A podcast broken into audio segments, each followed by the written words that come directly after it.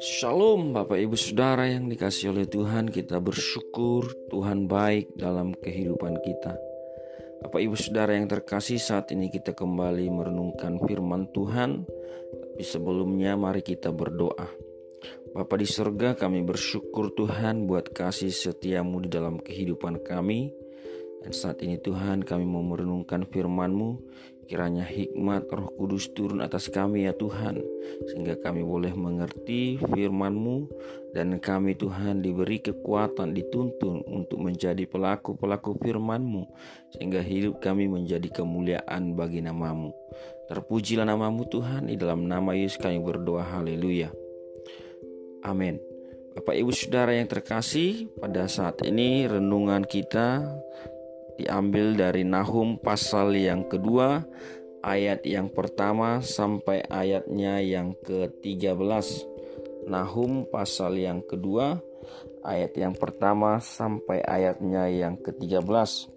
Kalau kita melihat uh, kitab Nahum pasal yang kedua ini, maka Nahum pasal yang kedua ini ada dalam dua perikop ayat 1 dan ayat 2 itu menjadi perikop gabungan dari pasal yang pertama.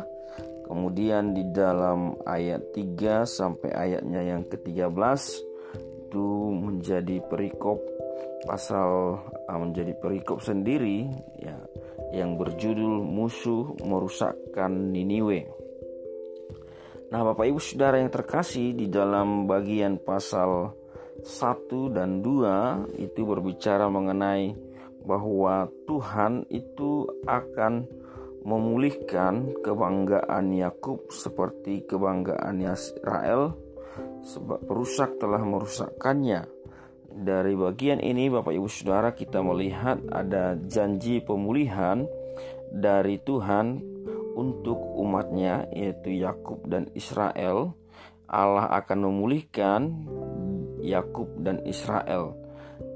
Janji pemulihan ini Bapak Ibu Saudara diberikan oleh Tuhan karena Tuhan melihat penindasan yang dilakukan oleh bangsa bangsa kepada Israel. Nah, Bapak Ibu Saudara yang terkasih, di dalam bagian ini Allah yang menjadi musuh dari bangsa-bangsa yang menindas umat Tuhan. Secara khusus kalau di dalam bagian pasal uh, Nahum ini Bapak Ibu Saudara bahwa Allah yang akan menjadi musuh yang akan menghancurkan yaitu Niniwe Bapak Ibu Saudara. Jadi Allah yang akan menjadi musuh dari bangsa yang menindas umat Tuhan. Allah yang akan membalaskan kejahatan bangsa yang menindas umatnya.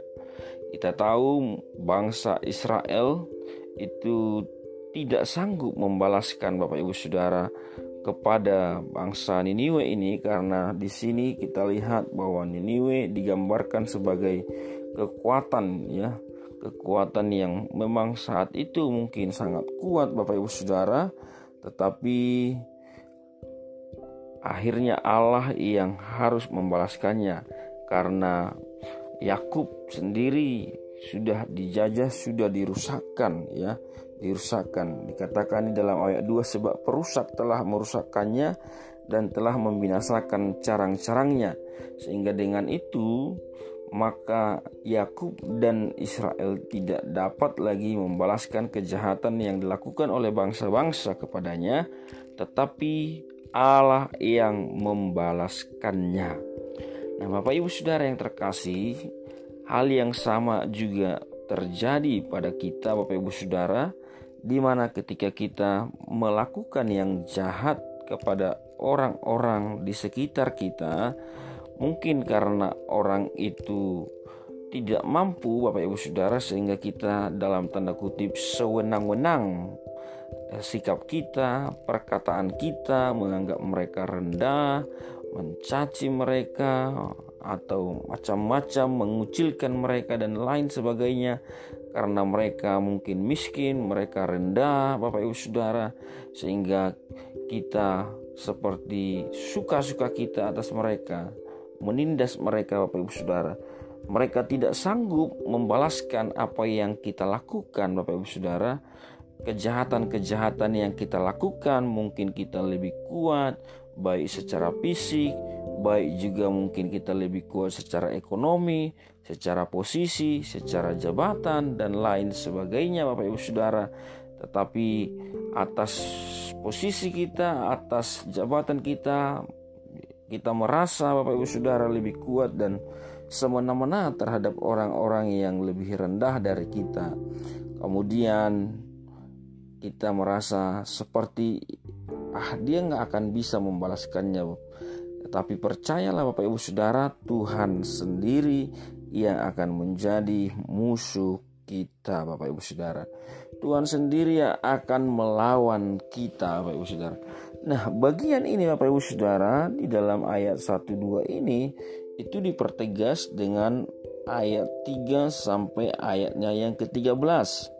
Di dalam uh, bagian musuh merusakkan Niniwe itu dipertegas Bapak Ibu Saudara secara khusus uh, bahwa Allah secara khusus menjanjikan bahwa Allah yang akan mengirim juga bangsa-bangsa untuk menghancurkan Niniwe Bapak Ibu Saudara. Katakan dalam ayat 3 Perisai para pahlawannya berwarna merah Prajuritnya berpakaian kereta berkilat-kilat seperti api sulu Pada hari ia melengkapinya Dan kuda-kuda penuh gelisah.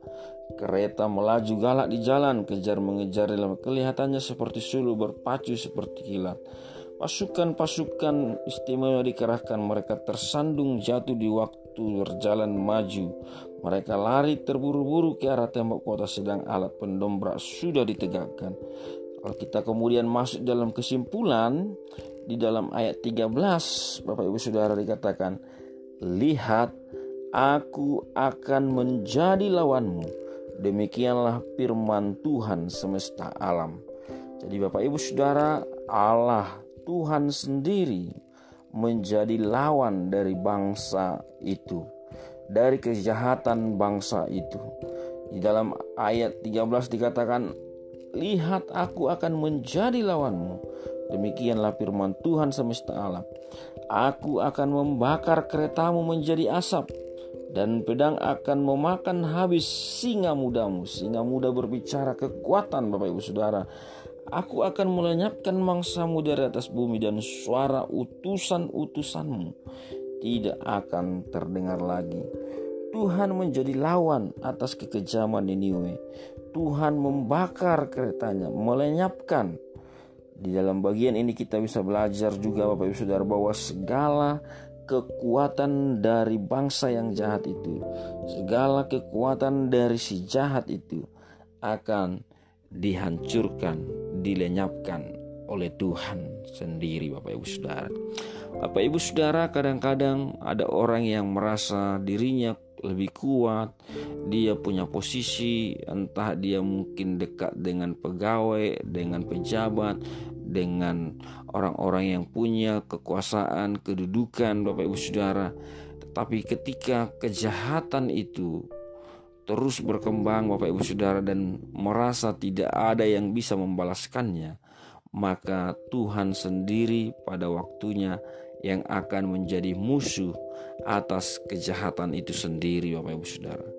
Oleh karena itu Bapak Ibu Saudara tidak ada kekuasaan ya tidak ada kejahatan yang bisa berlangsung kekal memerintah selamanya Bapak Ibu Saudara. Tapi Tuhanlah yang akan memerintah selamanya yaitu kebenaranlah yang akan memerintah selamanya Bapak Ibu Saudara. Kejahatan akan dihancurkan oleh Tuhan. Kejahatan akan bermusuhan langsung dengan Tuhan. Bangsa-bangsa yang berdiri atas kejahatan kemudian menindas bangsa-bangsa lain juga akan dihancurkan oleh Tuhan.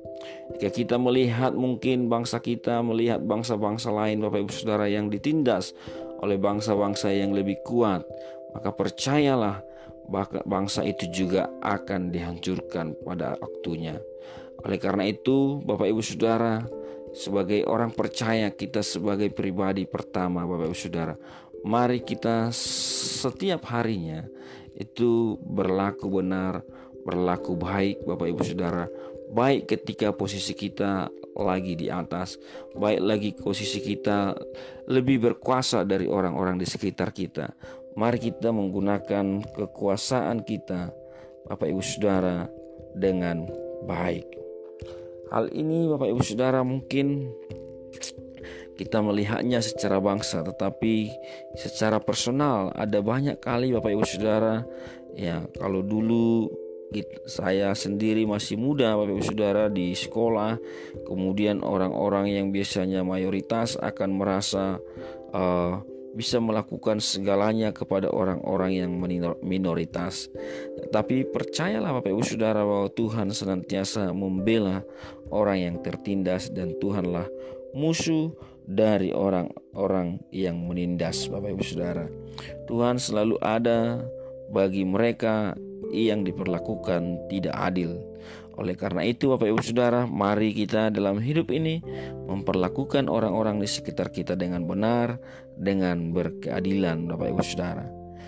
Terpujilah nama Tuhan Bapak Ibu Saudara Demikianlah renungan yang singkat ini Bapak Ibu Dan biarlah di dalam jalan-jalan kita senantiasa Kita tidak menyombongkan diri Ketika kita memiliki kuasa memiliki sesuatu yang lebih dari orang-orang di sekitar kita, tetapi mari kita senantiasa mengandalkan Tuhan, Bapak Ibu Saudara, karena ketika kita, Bapak Ibu Saudara, melihat kelebihan-kelebihan yang kita miliki dibandingkan orang-orang di sekitar kita dan kita mulai sombong dan mulai berlaku arogan kepada orang-orang di sekitar kita, mulai menindas orang-orang di sekitar kita, mulai memperlakukan orang-orang di sekitar kita dengan tidak adil, maka Tuhan sendiri pada waktunya akan bertindak atas kita. Oleh karena itu Bapak Ibu Saudara, mari kita senantiasa menjaga diri kita menjaga hidup kita, menjaga jalan-jalan kita dalam setiap hubungan-hubungan kita dengan orang-orang di sekitar kita. Kiranya kita senantiasa berlaku benar dan berlaku adil, Bapak Ibu Saudara. Mari jauhkan diri kita dari kejahatan dan biarlah senantiasa setiap hari Bapak Ibu Saudara kita senantiasa melakukan kebaikan, kebaikan, kebaikan, kebaikan, sehingga itu akan mempermuliakan Tuhan di dalam kehidupan kita. Mari kita berdoa.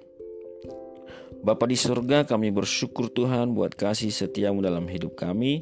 Kami bersyukur buat firman-Mu Terima kasih Tuhan, Engkau Allah yang senantiasa membela umatmu, Engkau yang senantiasa Tuhan bertindak atas segala kejahatan yang terjadi, dan Engkau Allah Tuhan yang menjadi Allah yang selalu berbuat benar dan berbuat adil. Terima kasih Tuhan, kami sungguh percaya padamu Tuhan, dan biarlah segala apa yang telah kami renungkan hari ini Tuhan, rohmu terus mengingatkannya akan kami. Terpujilah nama Tuhan, di dalam nama Yesus kami berdoa, dan biarlah Tuhan juga seluruh orang-orang yang mendengarkan di mana pun berada, Tuhan engkau melawat, yang sakit Tuhan sembuhkan, yang lemah Tuhan kuatkan, yang sedang beroban berat Tuhan memberikan kelegaan, yang sedang dalam kebimbangan Tuhan tuntun langkah-langkah mereka. Di dalam nama Tuhan Yesus kami berdoa. Haleluya. Amin. thank you